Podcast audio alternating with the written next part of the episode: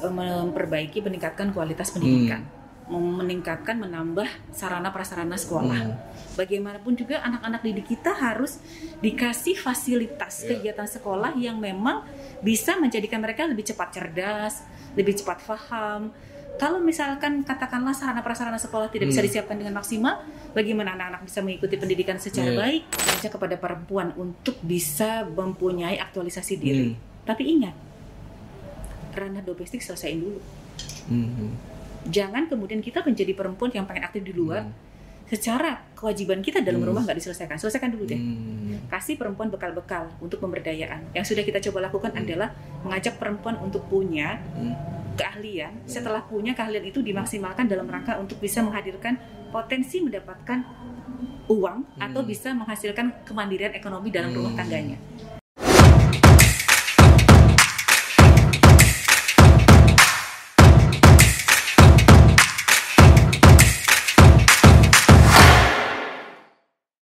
Sobat podcast Radar Banten, ngobrolin politisi perempuan di kota Cilegon rasanya tidak afdol kalau kita tidak ngobrol bareng Ibu Hajah Nuratul Uyun. Siapakah dia? Dia adalah politisi perempuan dari Partai Keadilan Sejahtera yang saat ini menjabat sebagai Wakil Ketua DPRD Kota Cilegon.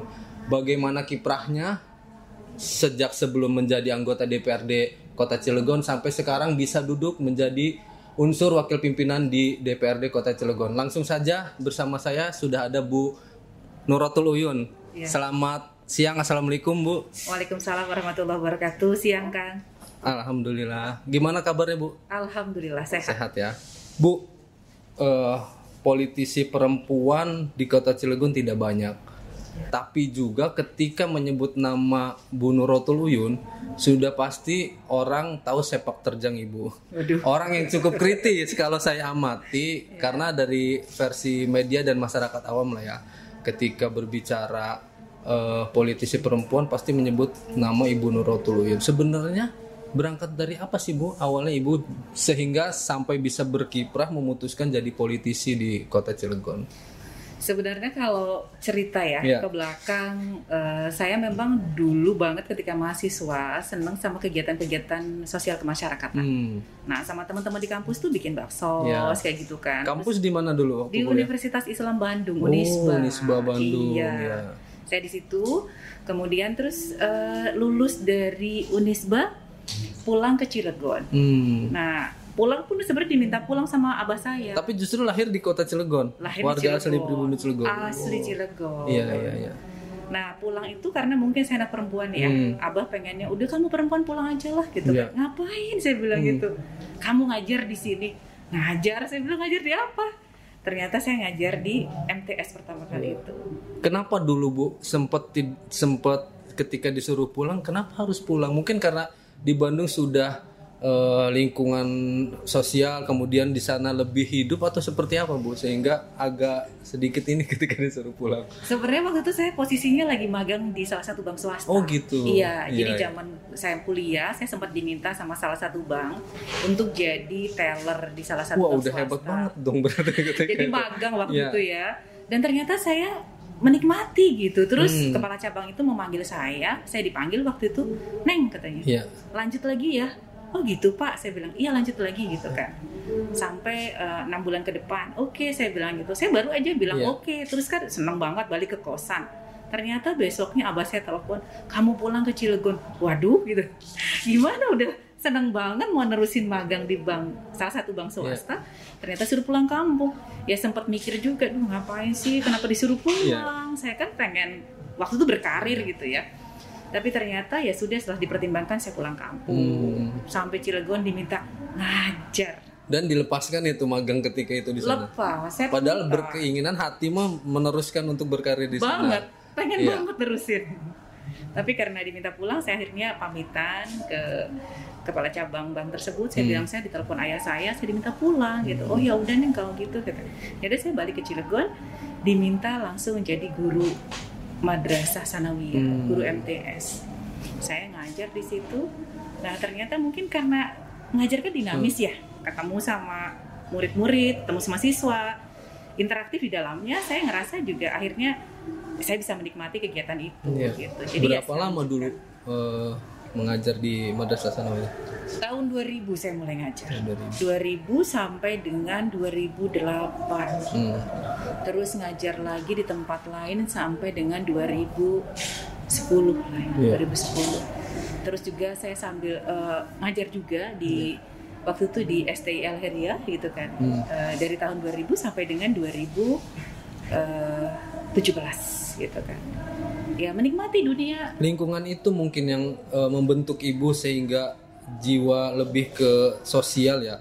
Ya. Kegiatan-kegiatan bersosial yang mungkin tumbuh Bu sejak dari mahasiswa yang sudah aktif, kemudian ya eh, berkiprah di dunia guru yang kemudian sebelum jadi politis kan aktif juga ya ibu cukup cukup aktif kalau nggak salah sempat menggagas juga kampung lukis juga ya bu Iya, ya. iya, nah iya. dari perjalanan itu mungkin sebelum jadi politisi yang memang jiwa sosial ibu tumbuh.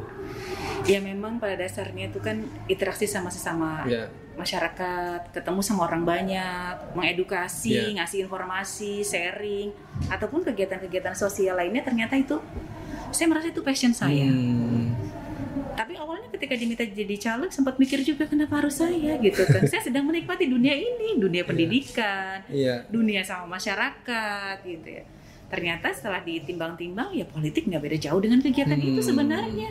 Hampir semua itu beririsan dengan kegiatan politik sebenarnya. Setelah itu mendalami tentunya yang melihat bagaimana sisi politik apa sih yang bisa disuarakan dari jalur politik mungkin begitu ya bu ya. Betul banget, betul banget. Apa karena mungkin memenuhi unsur keterwakilan perempuan juga bu? Karena waktu itu kan karena masih sedikit ya politisi perempuan boleh dihitung jari di kota Cilegon.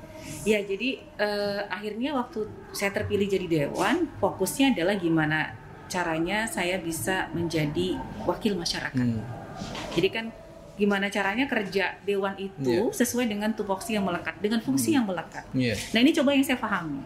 Terus dengerin nanya, saya banyak, eh, saya banyak nanya orangnya. Iya. Eh, kebetulan ada salah satu eh, anggota DPR RI dulu dari fraksi PKS juga, Bang Zulkifli Bang Mansyah. Zul ya Nah, sekarang gubernur. Iya, jadi waktu jadi caleg juga kan saya tandem sama beliau Iya. dulu tuh ya.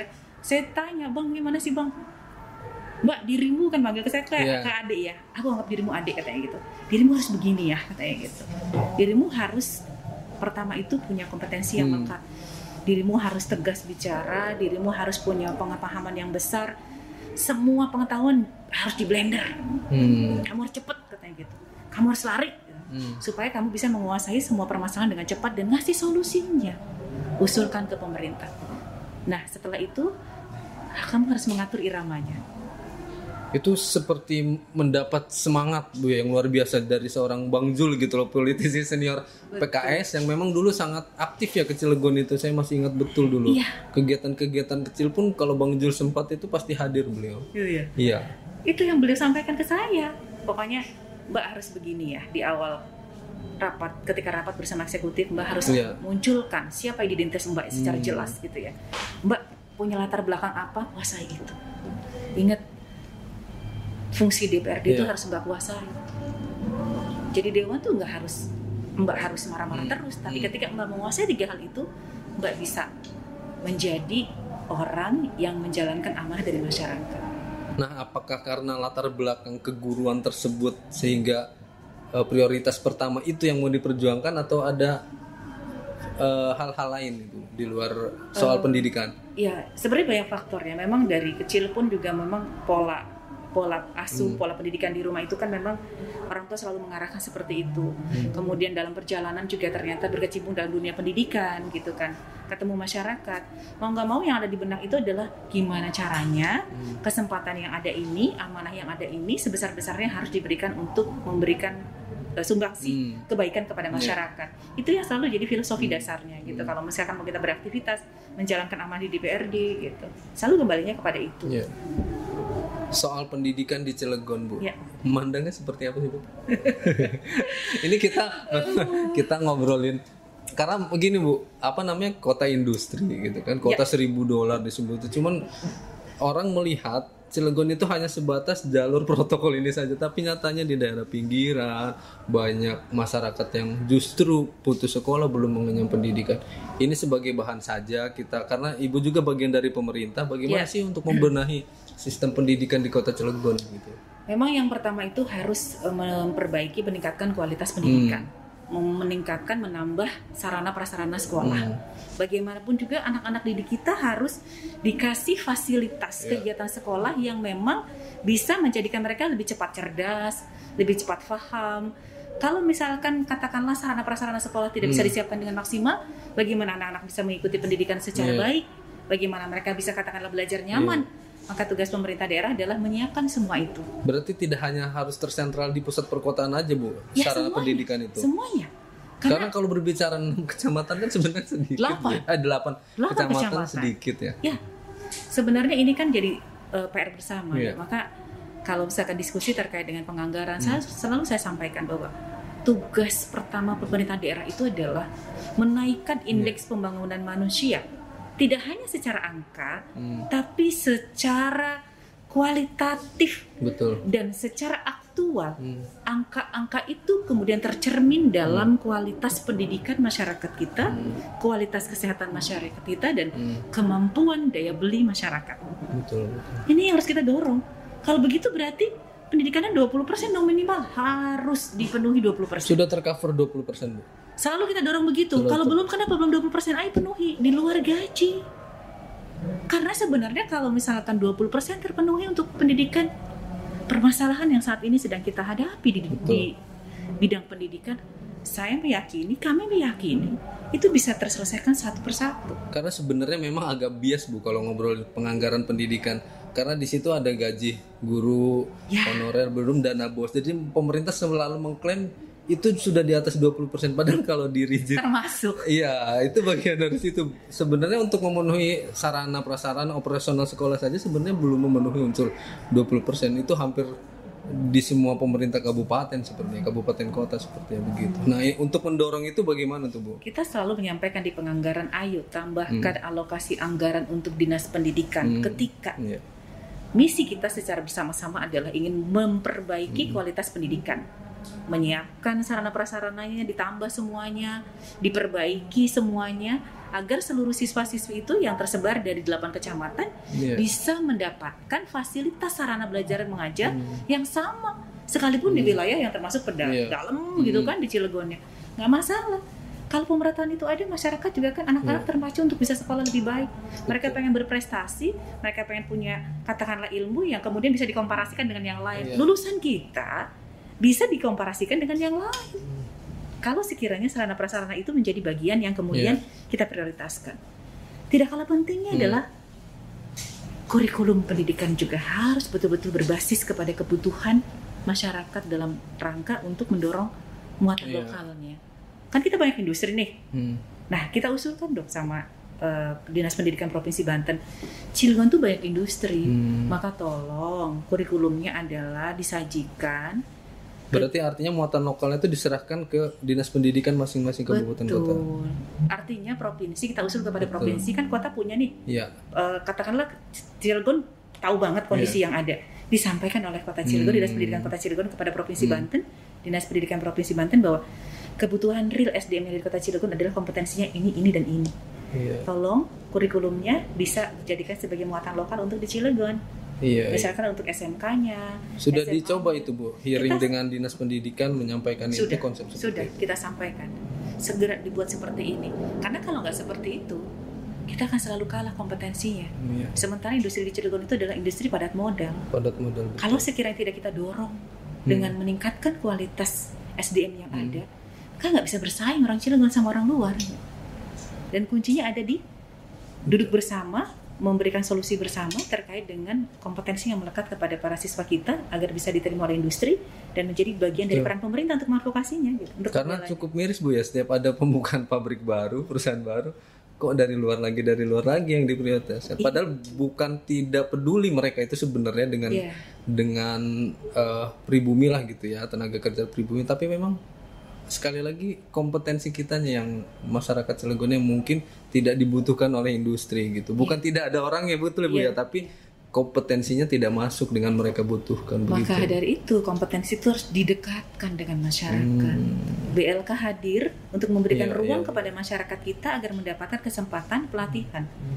Tidak sekedar pelatihan, pelatihannya tentu saja kebutuhan industrinya Iya. apa? Itu yang dibuat oleh BLK. Kemudian diberikan sertifikat, Hmm. sehingga kemudian industri kita membutuhkan SDM sesuai dengan kualifikasi yang ada di perusahaan mereka, SDM kita siap.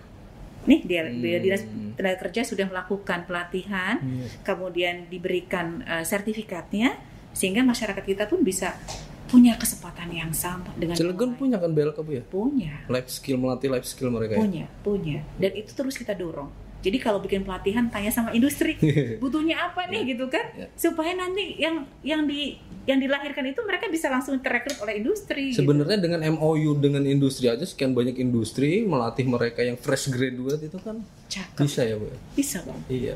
Bisa. Dari CSR mereka nggak seberapa digelontorkan untuk pelatihan Ya. cukup saya kira tidak ada lagi pengangguran di kota Cilegon ya bu. Sepakat. Karena kalau bicara pengangguran yang ada kita sedihnya luar biasa. Iya. 12,96 persen. Terbesar pertama loh bu di provinsi Banten itu disumbang dari kota Cilegon. Iya. Kita memang jadi urutan nomor dua ya Ini nomor dua. setelah Kabupaten Tangerang. Iya. Jadi sebenarnya kalau melihat karakter kita sebagai kota industri, Hmm. perdagangan dan jasa, harusnya pengangguran itu sudah benar bisa kita urai satu persatu. Karena memang banyak sektor yang bisa kita optimalkan. Berarti tidak bisa juga ya Bu ya pemerintah kan mengklaimnya selalu menyalahkan oh karena banyak eh, pendatang yang datang ke kita sehingga setiap tahun kenapa angka pengangguran kita naik katanya Iya, karena iya, banyak iya. yang kemudian menetap di sini begitu. Artinya kan dibuka saja lapangan kerjanya seluas-luasnya, kemudian pelatihan-pelatihan itu diperbanyak seperti itu. Memang yang nggak kalah penting itu sebenarnya adalah sinergitas antara industri dengan disnaker. Jadi disnaker tuh tahu banget kapan waktunya rekrutmen di seluruh industri yang ada di kota Cilegon. Hmm. Kalau MOU itu sudah dibangun oleh seluruh industri yang ada Hmm. dengan Dinas Tenaga Kerja Kota Cilegon, itu bisa memberikan informasi yang luas kepada Hmm. seluruh masyarakat Kota Cilegon kan. Oh ternyata PTA sedang rekrutmen kualifikasi yang dibutuhkan adalah ini dan ini. Sehingga kemudian ini menjadi bahan bagi Disnaker untuk menyampaikan atau untuk membuat program pelatihannya yang mengarah kepada kompetensi kebutuhan dari industri itu. Hmm. Kan ada ha- ha- harus ada forum eh, HRD yang diselenggarakan oleh Dinas Tenaga Kerja untuk bisa kemudian diskusi dan sharing kira-kira sebenarnya kompetensi apa aja sih yang dibutuhin oleh perusahaan tersebut sehingga kemudian Disnaker bisa membuat list Ya. oh ini kebutuhan nih satu dua tiga empat lima industri A ini butuhnya industri B ini butuhnya dan seterusnya Hmm. setelah itu nanti kan Disnaker bisa kemudian membuat eh, program kegiatannya melaksanakan pelatihan itu berdasarkan kebutuhan dari kompetensi Iya. dari masyarakat bagi industri yang ada di kota Cirebon. Iya, iya. Terus kalau misalkan rekrutmen itu selalu diinfokan, selalu bersinergi, dan Hmm. kemudian Disnaker menyiapkan SDM-nya, itu kan betul-betul eh, terjalin sebuah eh, sinergi yang luar biasa antara pemerintah dengan industri. Ditambah lagi misalkan yang tidak kalah pentingnya, eh, semua kegiatan yang berbasis kepada kebutuhan tenaga kerja dari industri kepada pemerintah daerah Kota Cilegon dalam hal ini Disnaker itu Iya. disampaikan. Kalau seluruh kegiatan overhaul dari industri yang ada Iya. Disampaikan secara penjadwalan yang sistematis berapa banyak serapan Hmm, tenaga kerja yang betul, bisa betul. menuntaskan program pengangguran di kota Iya, Cilegon. iya, iya. Tapi Bu di samping itu ini kan lagi-lagi berbicara peran industri. Iya. Eh, di sejak pandemi mungkin Iya. ya kemunculan eh, UKM dan ekonomi kreatif itu kan terus bermunculan Bu. ya. Iya. Kita kalau korelasikan dengan industri bisa saja gitu kan eh, UKM UKM dan ekonomi kreatif ini disupport oleh industri. Nah perlu nggak sih di kota Cilegon sendiri karena kan eh, di luar perekrutan tadi memang bagus. Kalau industri kreatifnya UMKM-nya dihidupkan bukan tidak mungkin saling sinergi industri. Artinya mengungka- mengurangi angka pengangguran juga gitu. Ini sebenarnya sektor yang lebih besar kontribusi dalam mengentaskan pengangguran. Karena sektor non formalnya digarap, Iya betul. ya kan? Kalau misalkan dari hulu sampai hilir, Hmm. masyarakat kita dilibatkan untuk sebagai bagian yang terlibat dalam proses uh, kegiatan yang ada di industri tersebut, baik dari hal-hal katakanlah penyediaan uh, tenaga outsourcing, untuk yang uh, kebersihan, untuk catering dan lain sebagainya. Kalau semua itu bisa kita urai satu persatu, maka angka pengangguran juga bisa terselesaikan Iya. secara bertahap. Jadi harus kita bagi dua sebenarnya pemerintah daerah itu menyelesaikannya lewat satu cara formal Hmm. melalui rekrutmen yang diselenggarakan oleh seluruh industri yang ada di kota Cilegon. Yang kedua adalah non formal. Hmm, ya. Non formal ini adalah melibatkan tadi UKM, IKM Hmm. dalam seluruh sentra kegiatan bersinergi dengan industri sehingga kemudian mereka bisa terlibat dalam seluruh proses kegiatan ekonomi di kota Cilegon. Pembinaannya ada nggak sih bu? Oleh dinas terkait Ada. di kota Cilegon? Dinas Koperasi dan eh, UMKM. Ada dan berjalan itu. Nah ini yang harus terus kita dorong nih, Hmm. karena bagaimanapun juga kan industri itu harus tersentral ya. Ya. Satu satu saja pintunya gitu kan. Hmm. Kalau memang mau melalui CCSR Cilegon Corporate Social Responsibility, maka jalurnya lewat itu silakan. Hmm. Tapi kemudian CCSR juga bersinergi dengan dinas koperasi agar dalam pengimplementasian bantuan yang dihadirkan untuk masyarakat itu betul-betul bisa mengarah kepada seluruh pelaku ekonomi. Iya iya iya iya. iya. Seperti itu. kan? Cukup banyak juga ya konsep yang ditawarkan ibu sebenarnya yang menjadi politisi perempuan di kota Cilegon ini. Ya, karena kan ngelihat permasalahan Cilegon itu sangat kompleks Iya. ya, dan ini harus diurai satu persatu. Hmm. Kalau nggak diurai repot. Tapi kalau diurai satu persatu dan konsisten Iya. dijalankan, saya sangat optimis pengangguran bisa dengan signifikan kita tekan. Asal konsisten tadi. Pendidikan sudah ibu konsepnya dikeluarkan, pengangguran juga sudah. Kalau terkait urusan perempuan bu, apa yang ibu perjuangkan melalui eh, gedung dewan ini bu? Yang pertama adalah mengajak kepada perempuan untuk bisa mempunyai aktualisasi diri. Hmm. Tapi ingat, ranah domestik selesaiin dulu. Hmm. Jangan kemudian kita menjadi perempuan yang pengen aktif di luar, Hmm. Secara kewajiban kita dalam Hmm. rumah nggak diselesaikan. Selesaikan dulu deh. Hmm. Kasih perempuan bekal-bekal untuk pemberdayaan. Yang sudah kita coba lakukan Hmm. adalah mengajak perempuan untuk punya Hmm. keahlian. Setelah punya keahlian itu dimaksimalkan dalam rangka untuk bisa menghadirkan potensi mendapatkan uang atau Hmm. bisa menghasilkan kemandirian ekonomi dalam rumah Hmm. tangganya. Dia bisa berkontribusi kepada suaminya membantu untuk bisa punya penghasilan tanpa meninggalkan fitrah kodratinya sebagai seorang ibu dan sebagai seorang istri. Iya iya. Jadi kalau misalkan bikin kegiatan di dalam rumah, misalkan dia punya keahlian, Iya. ya sudah bikinnya apa? Kerajinan. Kerajinannya dibuat, setelah itu dijual, dipasarkan dengan lingkungan sekitar, mereka bisa mendapatkan juga uh, potensi untuk mendapatkan Berarti uang. berkarir dari rumah dong bu. Kan ini lagi Itu- ngetren ya bu ya. Itu yang pertama yang kita dorong. Apalagi e-commerce sudah banyak sekarang. Betul, Kurang apa? iya. Pemasaran eh, melalui online sudah Iya, iya, cukup masif begitu ya bu ya. iya. Bisa nggak di kota Cilegon bu mampu nggak maksudnya peran wanita-wanita tidak hanya di perkotaan ya tapi di Iya. eh, wilayah eh, pinggiran Cilegon lainnya gitu. Bisa banget. Bisa banget. Bisa. Banyak juga kok para perempuan yang punya uh, kesempatan untuk Hmm. bisa menghadirkan itu ya. Dia punya keahlian, terus keahliannya diasah, kemudian bisa produksi barang, Hmm. barangnya dijual secara online, banyak customer yang membeli, dia punya penghasilan, membantu ekonomi keluarganya. Kemampuan seperti ini ditularkan kepada perempuan-perempuan yang lain. Tapi ingat, Hmm. Selesai ranah domestik nggak boleh Iya. nggak boleh kita pengen sibuk banget tapi rumahnya nggak keurus Iya. nggak bisa selesaikan dulu itu ketika sudah itu adalah awal para perempuan mengelola Hmm. manajerial tentang dirinya dan keluarganya baru kemudian lanjut kepada tahapan berikutnya Hmm. kita dorong gitu kalau memang mereka punya kompetensi kenapa nggak dipakai kenapa nggak dikembangkan asalkan tadi tetap fitrah kodratinya nggak Itu boleh yang selalu ibu sampaikan kepada perempuan-perempuan di kota Iya, kalau mereka kita kumpulkan, kita Hmm. ajak, ayo ibu punya apa? Bunda saya bisanya ngerajut, ngerajut dari rumah. Hmm. nggak usah keluar karena suami misalkan belum Hmm. ngizinin di rumah terus bunda kalau pengen ngejual online Hmm. tawarin sama tetangga Iya. tawarin sama temen jadikan teman kita sebagai jaringan untuk memasarkan produk kita jalan bun paling sehari satu dapatnya yang kecil-kecil nggak apa-apa lama-lama juga bisa banyak bun saya pengen bisanya jualan bikin kue dari rumah bikinlah gitu kan. Kita tawarkan kepada teman tetangga untuk bisa memesan produk-produk itu. Sehingga mereka akhirnya percaya diri. Iya.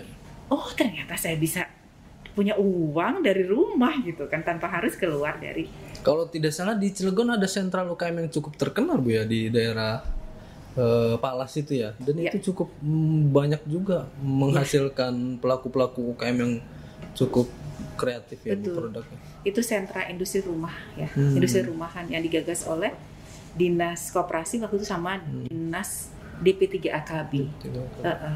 jadi sebenarnya cara-cara seperti itu upaya kita untuk Hmm. bisa menghadirkan para perempuan punya kegiatan yang positif kemudian punya selain itu juga punya kompetensi Hmm. punya kemampuan dan bisa beraktivitas dan beraktualisasi seperti halnya yang lainnya gitu. Tapi jangan sampai kebablasan. Apalagi program pusat tuh cukup banyak bu untuk UMKM itu belum dari Kementerian Sosial ya melalui warung, kemudian Betul. Kementerian Pariwisata dan Ekonomi Kreatif Betul. yang sedang jor-joran gitu kan melakukan pembinaan-pembinaan UKM di Cilegon. Iya. Tidak punya konsep bu gagasan misalkan membuat satu eh, deklarasi Cilegon misalkan wisata UMKM misalkan kan bukan tidak mungkin dilirik oleh Mas Menteri misalkan Pak Sandiaga Uno gitu. ada pemikiran ke arah sana Iya. cuma karena kemarin kan pandemi ya Hmm. kita ini karena pandemi yang luar biasa akhirnya kan semua tertahan ya belum bisa muncul secara maksimal tapi sekarang sudah mulai bergeliat Hmm. lagi mudah-mudahan ini menjadi pemikiran yang terus kita sinergikan bareng juga sama uh, dinas terkait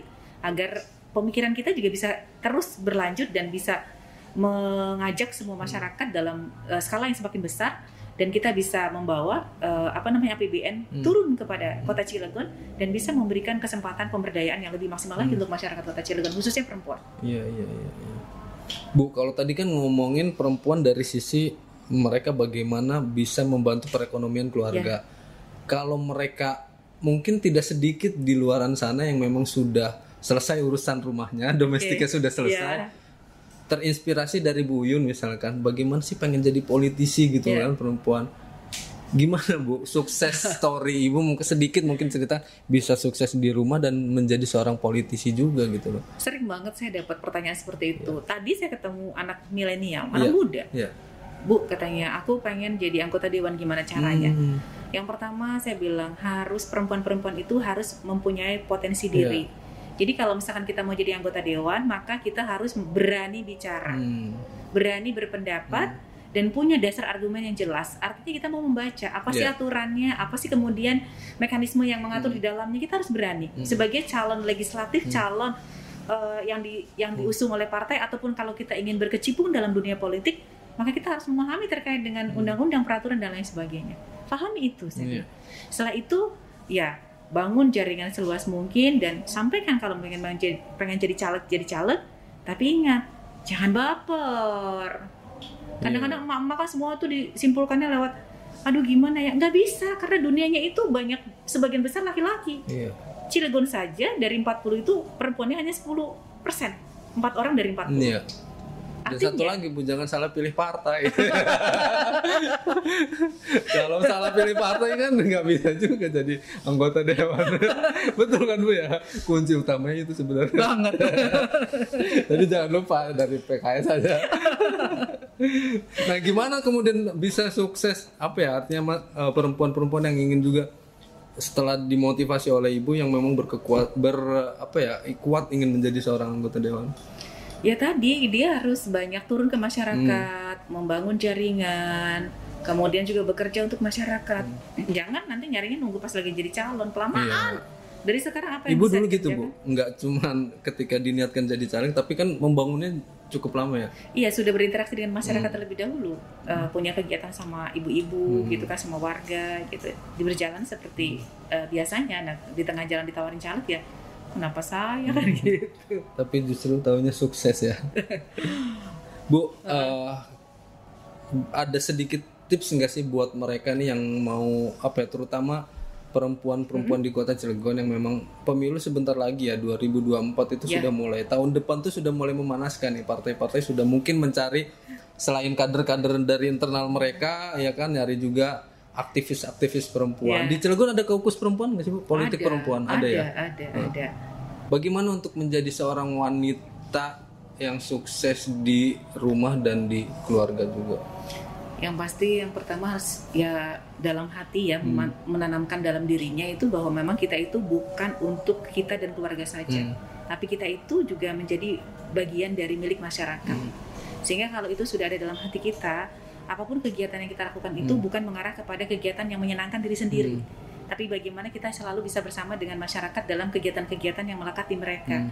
Karena itu juga menjadi bagian dari aktualisasi kita. Sekalipun bukan kegiatan diri kita sendiri Hmm. gitu, tapi kan kita membersamai masyarakat. Hmm. Itu harus menjadi betul-betul ditanamkan dalam eh, cara berpikir kita gitu.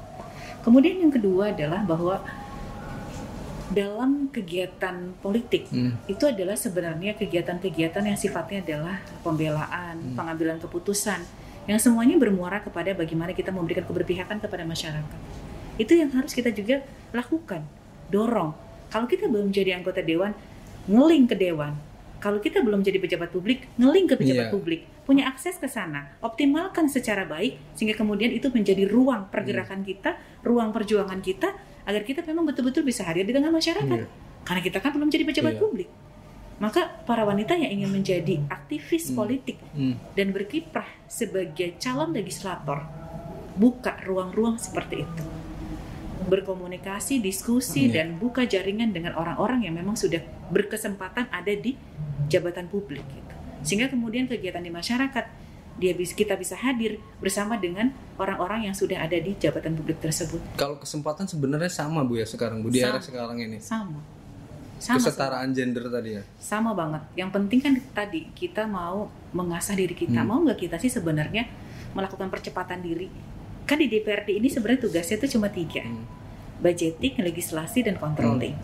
Nah kita mau nggak sih menjalankan tiga Iya. ini? Kan harus lari cepat untuk bisa melakukan semuanya itu berbasis kepada fungsi yang melekat kepada kita. Kalau kita bisa menjalankan tugas kita, fungsi kita secara Hmm. baik, itu dengan sendirinya tuh itu akan mengalir dalam kegiatan-kegiatan kita dan orang akan melihat bahwa memang kita menjalankan fungsi DPRD Hmm. tanpa harus kita bilang saya ngejalanin fungsi DPRD nggak perlu ngomong kayak gitu Iya. fokus saja dengan tiga hal itu budgeting legislasi dengan controlling Iya, iya. dengan tiga fungsi yang kita jalankan orang akan sebenarnya melihat. rel-relnya itu sudah ada Bu ya jalur-jalurnya. ada bang Controlling ya program-program pemerintah, Betul. OPD yang selalu diawasi. betul betul karena salah satu yang bisa memberikan kita itu maksimal turun di masyarakat adalah budgeting yang Hmm. terus menerus kita minta hadirkan untuk sebesar-besarnya bagi kesejahteraan masyarakat. Itu yang harus dorongan pertamanya. Bagaimana kita bisa membelanya? Mana yang menjadi kebutuhan dasar dari masyarakat itu yang terus kita perjuangkan. Karena kalau kalau ternyata seorang politisi kosong-kosong itu dalam artian tidak ada yang bisa diperjuangkan, tidak tahu pengetahuannya, sama saja bohong Bu ya. Apa yang harus diperjuangkan gitu untuk masyarakat begitu Bu ya? Ya berarti kan dia harus turun ke Iya. masyarakat, kemudian dia menjemput. Betul. Tahu aspirasinya Nah, apa? aspirasinya apa? Sampaikan aspirasi itu agar melekat kepada kegiatan, program kegiatan yang ada di OPD atau Iya, dinas. iya. Sehingga itu adalah nanti bagian dari eksekutif yang menjalankan, tapi kita yang memperjuangkan. Hmm, betul. kita yang turun di lapangan. Oh butuh oh butuhnya ini bu. Oh ya kita sampaikan eh, bahwa ini usulan masyarakat Hmm. terkait dengan untuk eh, apa meminimalkan banjir. Usulan masyarakat terkait dengan katakanlah di lokasinya belum ada sarana prasarana Hmm. eh, fasilitas umum. Atau katakanlah untuk merapikan infrastruktur yang ada nah itu bisa kita sampaikan kalau kita turun kepada Iya, iya. masyarakat gitu Luar biasa. Bu, satu lagi Bu pertanyaan di Oke. penghujung.